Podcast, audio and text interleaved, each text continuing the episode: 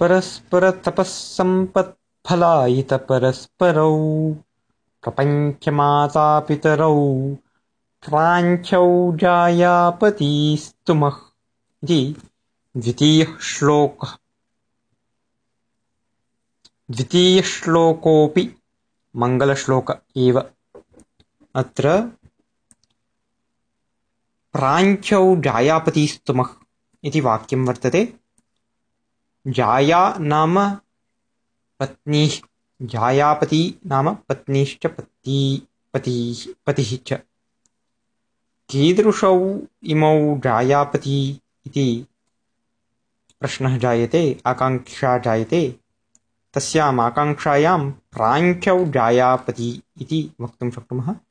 प्राञ्चौ नाम तत्र पुरातनौ इति तदन्तरा तौ कीदृशौ पुरातनौ जायापती प्रपञ्चमातापितरौ ततः परं परस्परतपःसम्पत्फलायितपरस्परौ इति। परस्परतपःसम्पद्भ्यां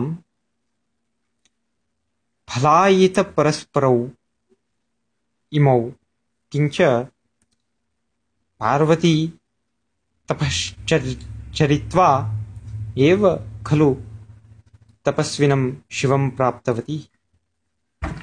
तेन सार्थकम् इदं विशेषणम्